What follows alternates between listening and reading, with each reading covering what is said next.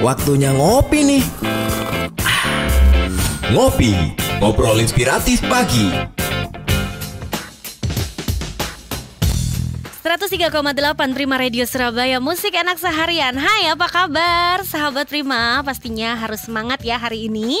Dan saya juga mau sapa nih yang jauh di luar pulau Jawa Yang hari ini juga mendengarkan merile untuk program Ngopi Ngobrol Inspiratif Pagi. Ira Nathanael mau sapa dulu yang ada di Rau FM Padang Sidempuan Sumatera Utara. Rekan Rau FM Kemudian ada juga yang mendengarkan kami dari Tri FM Kota Pinang Labuan Batu Selatan Sumatera Utara. Sahabat Tri Lalu yang sekarang di sana selisih satu jam ya dengan sini ada pendengar si radio yang mendengarkan via si radio Maros Sulawesi Selatan Makassar. Rekan Patra yang ada di Radio Patra Kota Duri Riau, sahabat Kandis yang ada di Kandis FM Kota Kandis Riau, dan juga sahabat Radio Tapanuli yang mendengarkan via Radio Tapanuli 88,1 FM Sibolga Sumatera Utara. Dan hari ini kita kedatangan lagi nih satu relay lagi, satu teman lagi, satu sahabat prima lagi yang mendengarkan via Klik Radio Bangli Bali. Apa kabar nih teman setia Klik Radio yang pastinya hari ini ngopi kita punya tema spesial. Kita bersama Ibu Amelia Imago dari Surabaya Healing Center. Halo Ibu Amel, apa kabar? Halo Bu Ida, baik kabarnya. Hari ini wah ini temanya keren banget nih Bu, teaching your Iya. child to build a social filter. Jadi bagaimana kita mengajari anak kita ini untuk eh, membangun eh, filter dalam bersosial. Iya, eh, sebenarnya itu lebih ke arah cara berpikir dengan mengucap eh, untuk mengucapkan kata-kata. Jadi eh, term sebenarnya term social filter sendiri itu digunakan untuk melatih anak-anak berkebutuhan khusus sebenarnya. Sebenarnya. Iya sebenarnya. Heeh. Jadi em, untuk anak-anak berkebutuhan khusus mereka punya masalah dalam hubungan sosial. Artinya mereka punya masalah dalam mengutarakan kata-kata mereka. Mm-mm. Nah kalau mungkin ada yang pernah tahu atau pernah melihat bahwa kalau di dalam eh, satu ber- satu kelas misalnya ada seorang anak yang berkebutuhan khusus itu dia tidak bisa mengungkapkan apa yang ada em, yang ada di seharusnya dia dia ucapkan. Artinya dia tidak punya filter untuk itu. Hmm. Nah, untuk itu ada khusus memang terapi yang memang membantu dia untuk em, membatasi kata-kata yang dikeluarkan. Saya mau kasih contoh misalnya ada untuk anak yang berkebutuhan khusus, mereka tuh tidak bisa eh, ditahan eh, menahan diri untuk mengatakan apa pun yang mereka lihat, mereka rasakan, mereka oh sorry, mereka pikirkan. Hmm. Jadi begitu yang muncul di otak langsung itu disebutkan Bahkan termasuk ketika mereka marah atau sedih ya termasuk Ibu ketika ya. marah mereka marah atau se- sedih. Nah itu juga eh, saya pakai istilah ini juga karena sebenarnya Tuhan itu telah menciptakan social filter itu di otak masing-masing manusia. Masalahnya untuk anak berkebutuhan khusus eh, itu tidak terjalin dengan baik. Jadi fungsi itu tidak terjadi dengan baik. Itu sebabnya mereka tuh mengungkapkan semuanya itu tanpa ada batasan. Oke. Itu. Bu Amel, tapi kalau kita lebih lebar lagi nih, eh, kalau misalkan ngomong soal anaknya berkebutuhan khusus tadi butuh sosial filter. Nah, sedangkan untuk anak-anak sekarang nih Bu ya, apalagi di mana sekarang ini sosial media dan penggunaan internet itu juga begitu marak bahkan hampir tidak terkontrol. Iya. Nah, berarti anak-anak kita yang tidak berkebutuhan khusus pun juga perlu diajarkan sebenarnya Iya. Bu Amel. Jadi saya menggunakan terms ini un- bukan untuk karena hari ini kita mau membahas anak-anak berkebutuhan khusus, tapi justru untuk membahas secara umum. Sebenarnya bukan hanya anak-anak, tapi mungkin lebih khusus juga setiap pribadi yang mau belajar, apalagi dengan eh, era pergerakan internet yang seperti ini, kemudian sosial media yang begitu luas, tanpa adanya pembatasan, khususnya untuk anak-anak kita, kita mengetahui beberapa kasus ada yang bunuh diri karena bullying Iya. dan sebagainya, atau mereka dijebak dengan mengucapkan kata-kata itu lalu nanti mereka eh, kata-kata yang mereka ucapkan itu dipakai untuk menjatuhkan mereka ada ada hal-hal yang seperti itu yang terjadi Dan kalau kita ngomong kehidupan sosial, kalau dulu zaman kita mungkin ketika kita masih anak-anak ya, sahabat prima atau pendengar yang lain, kita berpikir bahwa, ke- hubungan kita sosial itu di sekolah, Iya. di tempat les, Betul. di sekitar rumah. Padahal untuk era sekarang ini lebih lebar lagi ya, Sangat Bu ya. global. Tadi seperti Bu Amelia Imago kasih contoh bu- Iya. bullying. Iya. Kalau zaman dulu bullying terjadi di sekolah. Betul. Sekarang pun di dunia di maya dunia maya bahkan- justru sangat meningkat Ya. sekali gitu ada Bahkan- banyak eh, kasus yang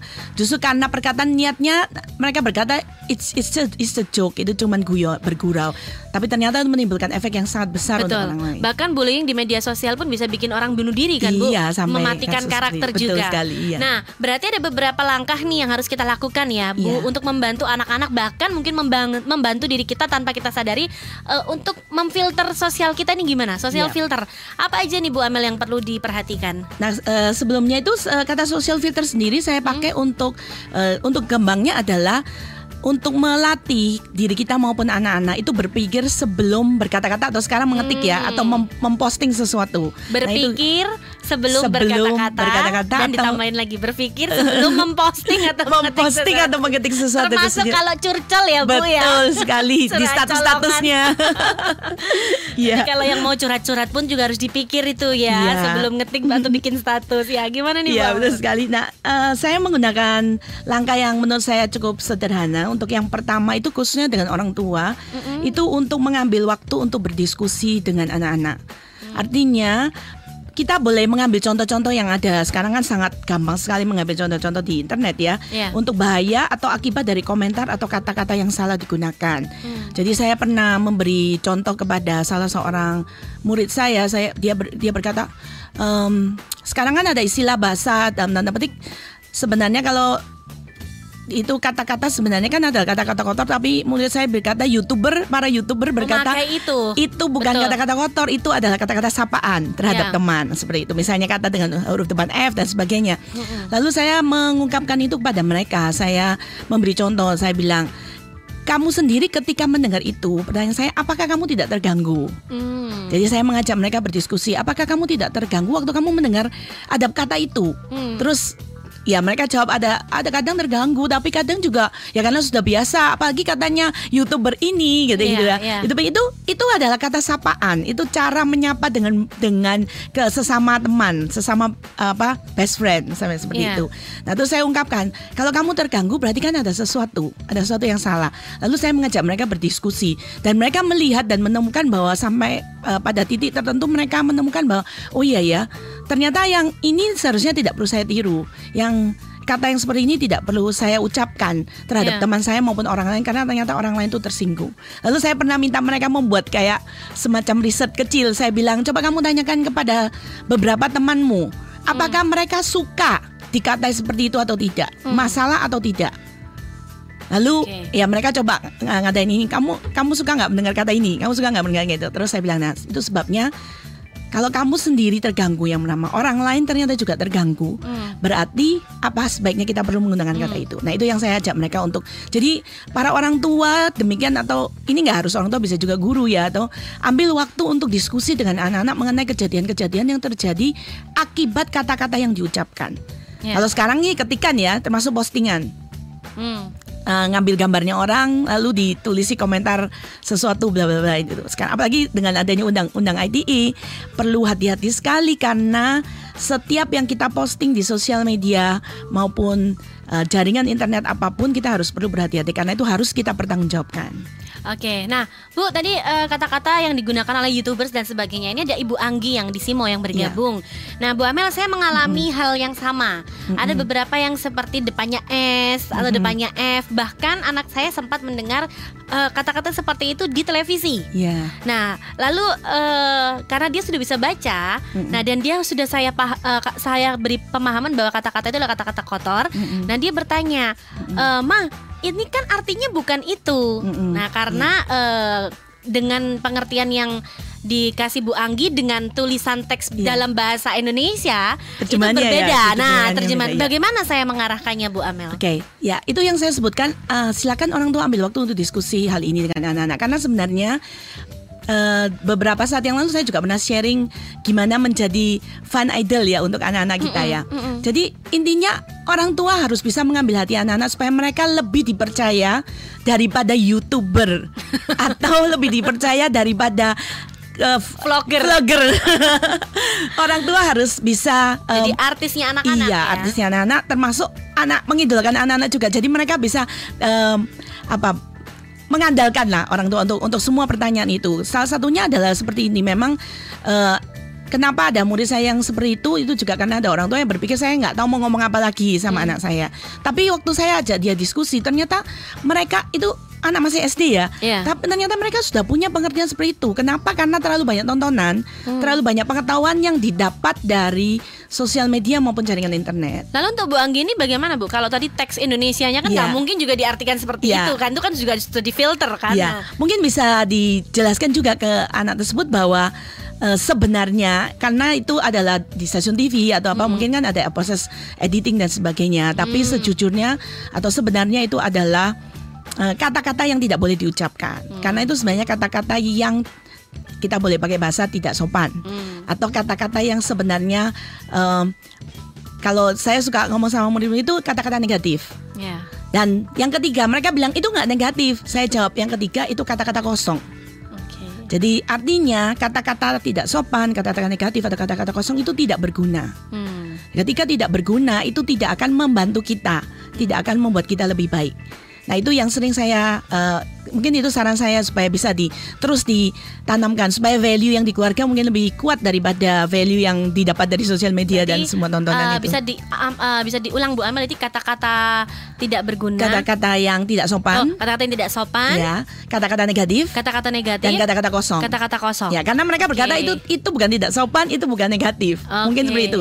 Nah, saya pakai yang ketiga yaitu kata-kata kosong. Oke, kata-kata tidak sopan, kata-kata negatif, kata-kata kosong. kosong, iya. Itu yang bisa dibuat kita Iya, eh, memberi pengertian ya kepada anak-anak. ya. Jadi kata-kata itu tidak berguna untuk mereka.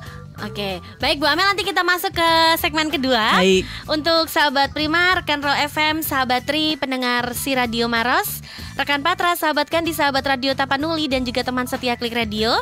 Untuk Anda yang ingin bergabung, bisa bergabung bertanya via WhatsApp di 0811 30 10 38 0811 30 10 38 atau lain telepon di 7388 500. Tetap di ngopi ngobrol inspiratif pagi.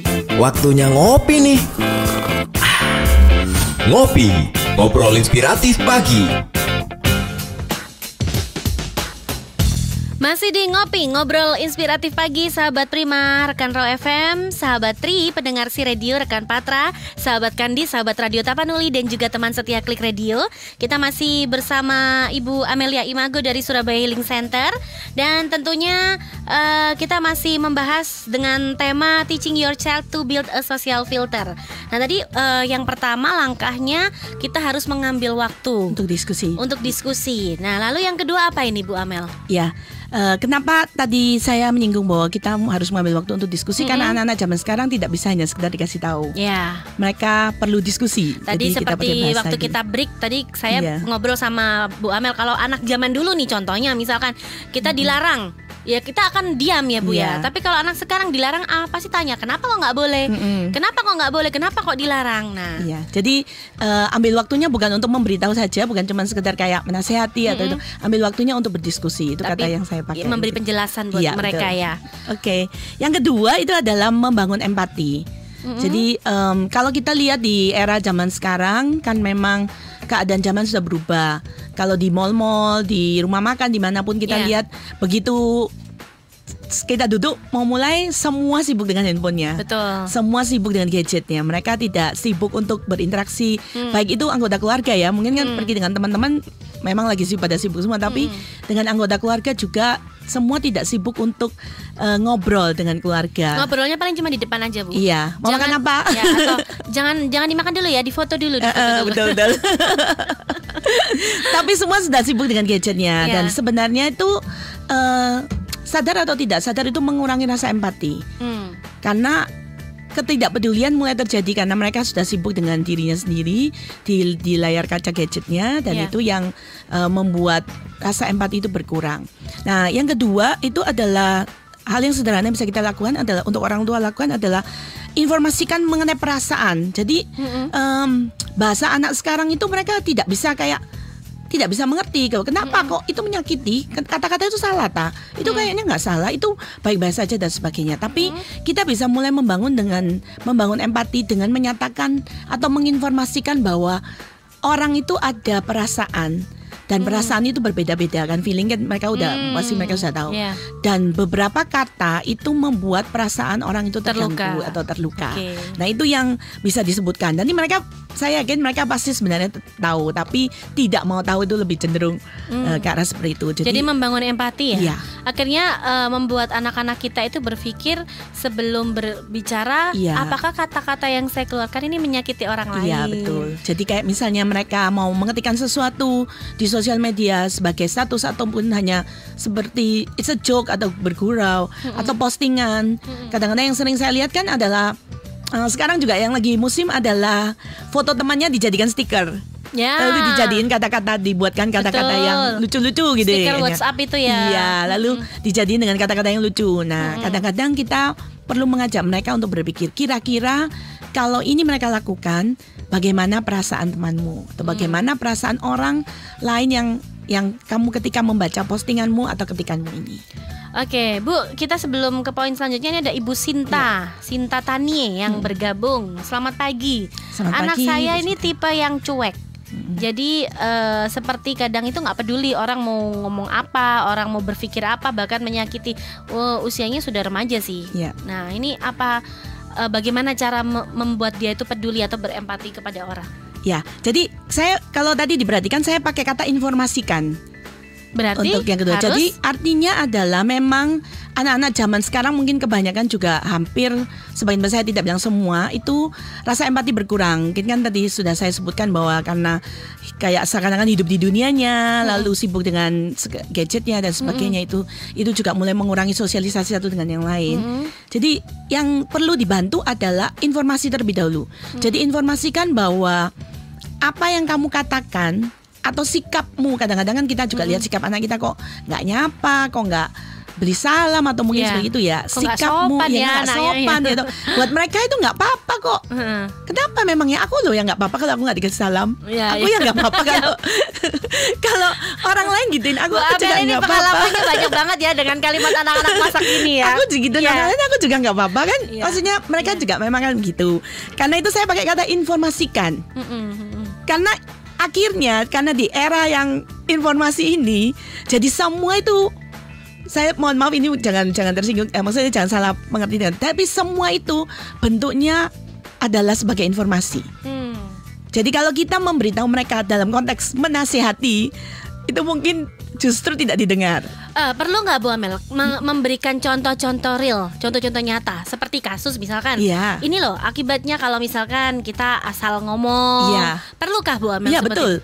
Jadi itu perlu. Makanya eh, di awal kan saya bilang pakailah contoh-contoh di internet. Ber- Beberapa kasus, misalnya eh, kayak misalnya ada art- artis Korea yang mening, anu bunuh diri karena dia dibully. Apa sih katanya apa? Saya pernah cari ya beberapa itu kata-katanya sangat sederhana, cuman bilang apa? Kamu kok apa namanya? Kamu kurang makan ya? Kenapa kamu sangat ini gitu? Kata-katanya sangat buat kita kayaknya nggak apa-apa itu, gitu aja kok mau bunuh diri gitu. Iya. Tapi ternyata dampaknya besar. Nah itu orang tua mungkin itu yang perlu diberikan. Jadi informasikan dulu bahwa ada banyak sekali orang itu dengan perasaan yang kelihatannya baik-baik. Tapi mereka tersinggung, mereka terluka, mereka menyimpan itu di dalam hati dan pikirannya, dan ternyata itu membuat mereka justru mau mengambil keputusan yang salah Iya. karena apa yang dikatakan nah, itu itu sebabnya kalau menurut saya sih walaupun anaknya cuek mungkin orang tua bisa menginformasikan bahwa dia juga tidak sendirian di dunia ini ada orang di sekitarnya yang mungkin terganggu Berarti- kalau hanya sekedar kata-kata walaupun dipikir itu hanya bergurau atau sekedar kata-kata Berarti benar-benar mengajarkan mereka bersosialisasi yang benar ya Bu Iya Amel betul ya. sekali. Oke, lalu eh, step ketiga Bu, setelah menginformasikan tadi, Ya, nah yang ketiga ini ada beberapa sebenarnya ini eh, keluar ketika beberapa eh, teman-teman tuh berkata gini loh. Jadi maksudnya nih anak saya nggak boleh jujur. Kalau ngomong harus ada social filter, har- harus pikir dulu sebelum berkata-kata, harus pikir dulu sebelum eh, dia memposting sesuatu atau dia eh, mau mengetikkan sesuatu. Jadi maksudnya anak saya nggak boleh jujur, harus eh, apa make up sentences, harus gitu. Apakah anak saya itu nggak boleh jujur? Dengan itu saya lebih suka anak saya jujur apa adanya, nggak suka ya nggak suka. Atau misalnya dia lihat sesuatu yang nggak nggak nggak menarik ya dia boleh bilang itu. Saya sih orangnya terbuka gitu. Mungkin ada orang tua yang seperti itu. Tapi saya ingin menggarisbawahi yang ketiga itu tolong tekankan untuk anak-anak. Bedanya antara kata-kata yang jujur dengan kata-kata yang baik dan berguna. Oke. Kata-kata jujur dengan kata-kata yang baik dan Iya, berguna. artinya memang tidak semua hal kita tibo- tidak boleh bohong. Tidak ada kita tidak pernah mengajarkan anak-anak kita untuk berbohong atau menjadi orang munafik. Hmm. Tapi ada kata-kata yang baik dan berguna yang bisa dikeluarkan. Berarti eh, jujur tapi harus mem- mem- memi- lebih pintar memilah kata-kata yang digunakan begitu Betul ya. sekali. Bu Amel Iya. ya. Nanti Oke. eh, biasanya kita bisa kasih latihan. Ini kalau di rumah orang tua punya waktu ya.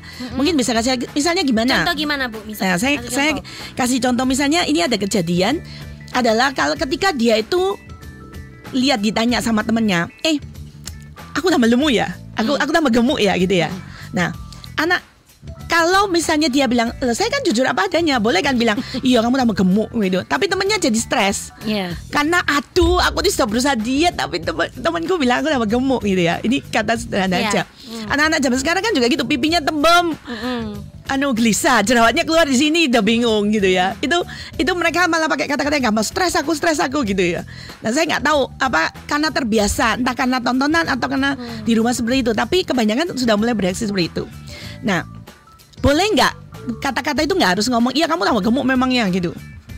Tapi bisa Atau diganti bisa dengan diganti. Kamu bilang, loh emangnya kamu sudah berusaha? Kamu sudah berusaha tang apa? Jadi Mm. kita boleh kan buat kata-kata yang bergantung. Gak apa-apa, yuk cobaan lah terus. Ya. Nanti kan pasti bisa tambah kurus lah. Kamu Gitu. sudah berusaha sudah oh iya memang saya lihat eh, masih belum ada perubahan tapi nggak apa-apa coba Iya, lah seperti seperti itu. itu, ya Bu Iya. Amel ya. Oke oke. Nah eh, nanti kita akan masuk lagi Bu Amel untuk segmen ketiga mungkin diulang Bu step pertama tadi apa? Iya boleh. Yang pertama Ya. adalah ambil waktu untuk berdiskusi. Mm-mm. Jadi anak-anak perlu di, di- diajak untuk Tadi berdiskusi. teman berdiskusi dan teman berdiskusi. bicara ya. Iya, sebagai Oke. orang tua perlu menempatkan diri seperti itu. Yang kedua bangun empati. Hmm. Jadi mereka perlu diberikan informasi, perasaan, perasaan orang lain ketika mengalami atau men- membaca atau mendengar itu. Termasuk diberikan informasi tentang contoh-contoh Contoh-contohnya. yang sudah terjadi Iya. eh, akibat nih loh. Kamu kalau pakai kata-kata yang Iya, tidak betul. kamu filter, kata-kata yang menyakitin orang lain nih sudah ada banyak Iya, contoh iya. dan posting akibatnya. postinganmu itu Ha-ha. pengaruhnya apa? Ada orang yang melakukan itu. Oke, lalu yang, Lalu yang ketiga adalah mencarikan bedanya. Hmm. Artinya kata-kata itu jujur boleh bukan berarti kita tidak berkata tidak boleh bo- harus bohong bukan tapi kata-kata yang baik dan membangun yang lebih penting jujur tapi dengan pemilihan kata-kata yang lebih baik. yang baik Baik, eh, Bu Amel nanti kita akan masuk segmen ketiga. Iya baik Untuk sahabat Prima, rekan Raw FM, sahabat Tri pendengar si Radio Maros, rekan Patra, sahabat Kandis, sahabat Radio Tapanuli dan juga teman setia Klik Radio. Untuk Anda yang bertanya silahkan karena Ira masih menemani Anda di Ngopi Ngobrol Inspiratif Pagi. 103,8 Prima Radio Surabaya. Musik enak seharian Masih di ngopi ngobrol inspiratif pagi, Bu Amel. Saya punya pertanyaan nih. Tadi Iya. kan eh, dari segmen pertama kita eh, harus memberikan pendekatan ya untuk anak kita, memberikan penjelasan bahwa eh, kata-kata yang seharusnya tidak mereka ucapkan dan itu bisa menyakitkan orang. Iya. Nah, eh, lalu bagaimana Bu kita eh, memberikan apa ya edukasi bahwa sebenarnya eh, hal itu itu misalkan begini contohnya. Mm-mm. Karena itu juga sering kali anak saya lakukan nih. Jadi, Iya. loh, kata mama itu nggak boleh, kata mama itu nggak bagus. Iya. Tapi sedangkan temanku itu pakai, Mm-mm. temanku itu gunakan di sekolah. Nah, Mm-mm. bagaimana kita memberikan eh, pengajian? Jadi istilahnya gini bu, di rumah itu kita dijaga baik-baik. Iya. Eh, kecolongan di luar. Iya. Teman-teman mereka atau yang ya contohnya tadi yang mereka dengar masih seperti itu. Bagaimana Bu Amel? Oke eh, itu berkaitan dengan yang keempat ya Oke, sebenarnya berarti berkaitan dengan Iya. keempat. Nah, jadi tema yang keempat itu saya menyebutkannya dengan dampingi. Hmm. Jadi dampingi anak Anda agar terlindung dari masalah akibat perkataan maupun postingan dan itu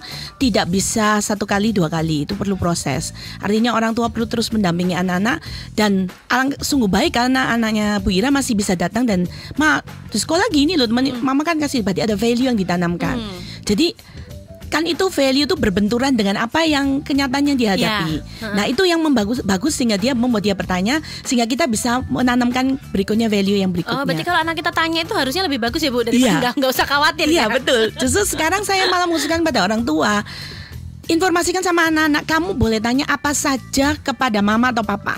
Hmm. Mama dan papa nggak akan melarang mama dan papa akan menjawab.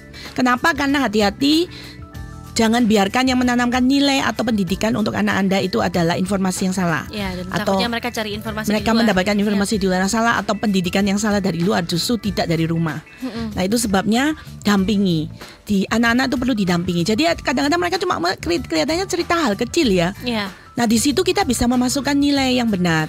Hmm. Iya kata-kata itu misalnya kata-kata ini eh, saya juga sering dengar eh, apa namanya ponan saya juga suka bilang itu loh dia tuh bilangnya gini loh Hmm. padahal terus aku sudah bilang itu tuh kata-katanya jelek Iya, katanya salah tapi dia bilang nggak apa-apa kok kamu loh bukan urusanmu begitu. Terus saya bilang iya kamu bagus kamu sudah bilang seperti itu. Itu artinya kamu sudah mengingatkan temanmu. Memang temanmu mau dengarkan atau tidak dia yang punya telinga saya itu bilang gitu. Tapi kamu harus tetap tahu bahwa itu kata-katanya salah atau benar. Hmm. Nah itu dia yang itu yang sering kali. Jadi perlu terus pendampingan pendampingan itu sama seperti em, bahasa saya itu adalah kayak anak-anak ini kan sedang dalam masa pertumbuhan ya, Iya. khususnya ketika dia eh, apa namanya di masa per- pertumbuhan lima tahun, kemudian dia berkembang di SD, kemudian juga remaja di di masa-masa galau ya toh di remajanya itu perlu ada pendampingan orang tua. Memang saya tidak bilang bahwa orang tua harus 24 jam Hmm. berada bersama dengan anak-anak. Tapi ada kalau ada kesempatan setiap kali itu tanamkan nilai. Setiap kali itu tanamkan kata-kata yang yang memang seharusnya yang benar itu adalah seperti ini. Tapi mohon maaf ini eh, saya juga mendapati bahwa anak-anak anak-anak suka menjawab gini seperti kepada saya kalau Nah, misalnya kita ini Bu ada di ruang punya punya banyak pengalaman Di ruang konseling. anak-anak nih apa Eh, aja di ruang ke sini mereka kan bilang gini, lo papaku juga meso kok. papaku juga bilang Nah, itu. Itu butuh figur juga ya nah, Bu. butuh Papaku contoh. juga besok kok. Papaku juga ngomong, Ngomong kotor, kok, kotor. Miss. Nah. Atau lo apa mamaku lo juga ngomongnya gitu sama temennya. Misalnya kata-kata tentang misalnya saya bilang jangan ngomongin orang misalnya Ya. gitu. Misalnya dia itu lo mamaku juga. Kadang-kadang aku lihat kalau diketik itu kayak seperti itu. Nah Nah, susah ya. mohon maaf ya para orang tua. Lalu bagaimana Bu saya nggak mau membuka aib. Namun ya itu terus terang anak-anak ini kan adalah mendapatkan segala macam informasi. Mereka meresap itu dengan cepat. Dan mereka butuh teladan dan juga. menyerap itu dengan cepat Ya. betul. Dan mereka memang butuh teladan. Jadi saya ngomong panjang lebar pun seandainya saya berkata apa guru di sekolah ataupun saya sebagai konselor berkata kamu tidak seharusnya makan ini. Saya minta ajak mereka berpikir lalu mereka menemukan bahwa itu salah. Kata-kata itu tidak baik postingan-postingan itu tidak memberkati. Tapi kalau mereka punya contoh dari orang tua mereka sendiri itu langsung saya sudah tidak saya saya tidak punya kekuatan apa pun untuk menahan mereka karena itu adalah bukti nyata. Hmm. Jadi saya memang mendapati beberapa di ruang konseling juga anak-anak menyebutkan lo papaku juga, mamaku juga. Nah, eh, saya menyebutkan kata damai memang tidak ada orang yang sempurna betul. Iya. Dan sekali lagi memang orang tua tidak diharapkan sempurna waktu tu- waktu anak-anak dititipkan Tuhan untuk mereka. Tapi paling tidak orang tua bisa belajar menjadi teladan yang baik, menjadi contoh yang baik karena ini menyangkut masa depan. Mama nggak boleh lo ngomong kayak gitu. Oh iya ya, mamanya hilaf. Ya maaf, eh, eh. ya mama salah Atau boleh. maaf gitu ya. Maaf ya mama salah boleh. Dan Nanti sering- mama juga berusaha. Dan sering kali kita sebagai orang tua itu kadang malu untuk mengakui kesalahan Iya, di depan anak betul ya. sekali. Padahal sebenarnya itu juga teladan ya Bu ya. Itu adalah teladan juga. Jadi didampingi anak-anak. Hmm. Memang kadang-kadang mungkin kita juga anu, oh mama itu loh ngomongin temannya mama misalnya gitu. Oh iya ya tuh salah mama salah ya. Harusnya mama enggak ngomongin temannya. Harusnya yang betul gimana? Hmm. Nanti dia gitu. Oh iya terima kasih ya kamu kasih tahu gitu. Jadi biarlah itu jadi proses. Orang sebagai kita sebagai orang tua dan juga bagaimana kita juga memberikan teladan itu buat anak-anak. Jadi dampingi anak Anda agar supaya masalahnya bisa terhindar ya eh, Bapak Ibu atau pendengar sekalian. Masalahnya adalah sekarang itu di era ini berbahaya sekali kalau kita mengetikkan atau mengucapkan kata-kata maupun memposting hal-hal yang sebenarnya mungkin membuat orang lain tersinggung gitu. Itu hati-hati sekali. Bukankah mencegah lebih baik daripada mengobati? Iya, dan memang tadi seperti Bu Amel bilang, meskipun kita tidak bisa mendampingi anak kita 24 jam, tapi paling tidak Iya. kita sudah berusaha yang terbaik ya. Ini ada Ibu Asri Ilham nih Bu eh, bergabung. Eh, bagaimana juga kita caranya mengontrol untuk mereka membaca status-status teman-teman mereka, khususnya ini anak-anak remaja yang sering kali galau-galau, curhatnya di media sosial. Ini bagaimana Bu Amel? Iya, kata dampingi mungkin tadi lebih tepat karena Hmm. kita nggak bisa menghindari mereka untuk tidak melihat status teman. Hmm. Em, kadang-kadang nggak ada apa pun aja mereka kayak tangannya sudah sudah gatel. kadang akhirnya membuat mereka berpikir oh temanku juga curhatnya lewat medsos kok berarti Iya. em, contohnya medsos ini bisa jadi buku diary yang kedua. Mm, mm. ya itu sebabnya kalau kalau di atas tadi kita lihat kan Hmm. kita perlu carikan contoh lalu kita perlu diskusikan. Hmm. kemudian kita juga perlu lihat ini ini loh bedanya. Kalau kamu kata keluarkan kata-kata ini memang ini kelihatannya jujur dari hati. Mm, aku stres misalnya misalnya gitu aku mau mati. Mm, ya kan? Beberapa anak remaja kayaknya mengungkapkan itu di status buat mereka kan ini ungkapan daripada aku nanti anu biar orang tahu gitu dalam tanda petik ya sebenarnya memang saya juga mendapat itu adalah bentuk kesepian. Mm. itu ungkapan kesepian dari anak-anak ini yang mereka nggak tahu mau ngapain. Eh, atau atau begini Bu Amel. Zaman kita dulu kan sering ada buku diary ya. Mm-mm. apa bolehkah anak-anak kita itu sekarang digiring untuk kembali ke zaman kita? Harus pakai buku diary nggak usah curhat lewat medsos dan sebagainya. Kayaknya kita aja sekarang aja nggak menggunakan itu ya. Berarti harus seperti apa Bu Amel ketika kita ketika mereka butuh untuk men- menuangkan atau menumpahkan curhatan mereka? Iya. Sebenarnya kalau di aplikasi yang ada di handphone saya rasa ada banyak sekali aplikasi yang tanpa harus diposting Hmm, atau tanpa harus diviralkan. iya. Dan makanya itu sebabnya kenapa temanya ini saya ambil. Jadi supaya mereka dengan bijak memilah mana yang perlu mereka ketikkan atau postingkan, mana yang disimpan untuk diri sendiri. Hmm. Silakan boleh menggunakan aplikasi yang ada di handphone untuk mereka boleh mencurhat, boleh Ya. curhat ataupun merekam video yang mereka sebenarnya adalah untuk mereka sendiri mereka gitu. pribadi ya. Tapi orang tua bagiannya orang tua sekarang adalah mengajarkan mereka bagaimana untuk memfilter ini, Hmm. membangun social filter di mana ini perlu saya posting atau tidak. Hmm. Ini perlu status ini perlu saya, saya tulis status ini perlu nggak, berguna nggak, baik nggak ini. Kalau saya gini kira-kira bagaimana? Nah itu yang mungkin dibangun perlu dibangun orang tua untuk anak-anak mereka. Oke, Eh, berarti eh, sesuai tempatnya ya. Saya kalau mau curhat pun ya harus tetap dipilih juga kata-kata yang bagus. Iya. Tadi Bu Amel eh, kasih contoh boleh mereka memposting eh, video apa maksudnya mem- mengambil video mereka Iya, silakan. curhatan mereka tapi itu memang untuk pribadi mereka Iya. hanya untuk bentuk pengungkapan mereka ya Bu Sama ya? seperti kayak di- diary kan di dulu kan kita juga nggak men-sharekan itu pada orang lain. Betul, betul, Kalau kebaca betul. gitu kan rasanya kan kita Malu tersinggung, dan tersinggung, malu, iya. ya kan kayak kita hancur dunia ini karena orang mengetahui rahasiaku seperti itu kan. Nah, ini mungkin mereka juga bisa tetap melakukannya di tapi di eh, handphone Iya, nggak usah nulis gitu maksudnya atau kan. dengan note ya, Iya. ya Atau ya. nge-record video kan itu bisa melakukan. Tapi apakah itu perlu diposting atau tidak? Hmm. Perlu diviralkan atau tidak? Mungkin itu orang tua yang akan lebih bisa membantu. Oke, Bu Amel, waktu kita terbatas nih Bu Amel. Ya. Mungkin ini eh, bisa disimpulkan nih untuk tema kita teaching your child to build a social filter. Bagaimana mengajari anak kita ini berpikir sebelum berkata atau berpikir sebelum mengetik atau memposting. Ya baik. Jadi eh, pada dasarnya adalah sangat sederhana. Orang anak-anak itu khususnya mereka yang masih apalagi sekarang dalam era sekarang itu sebenarnya mereka perlu mendapat informasi atau didikan nilai-nilai yang baik dari orang tua mereka. Jangan izinkan sosial media ataupun eh, apa pun yang mendidik anak-anak Yang Anda lebih mempengaruhi yang mereka lebih ya. mempengaruhi yang lebih mereka percaya daripada anak-anak Anda sehingga mereka em, akhirnya tanpa sengaja memposting mengatakan atau mengetikkan sesuatu yang berbahaya bahkan bisa membahayakan diri mereka sendiri Hmm. dan itu saya menghimbau para orang tua untuk bisa dengan bijak bersama dengan anak-anak Anda untuk memperjuangkan ini. Karena eranya perjuangannya sekarang adalah membantu anak-anak Anda punya nilai, punya value yang baik untuk kehidupan mereka karena dampaknya untuk masa depan anak-anak. Step-stepnya mungkin bisa diulang Bu, Baik. review kembali Bu Ya. Amel empat langkah tadi. Empat langkah yang pertama ambil waktu, jadi A ambil waktu untuk berdiskusi dengan anak-anak. Yang kedua bangun empati dengan memberikan informasi tentang perasaan orang lain. Yang ketiga carikan bedanya antara berkata-kata jujur dengan berkata-kata yang baik dan berguna, supaya anak-anak tahu bukan mereka diminta untuk berbohong. Yang keempat dampingi anak anda supaya terlindung dari masalah akibat perkataan atau postingan yang mereka timbulkan.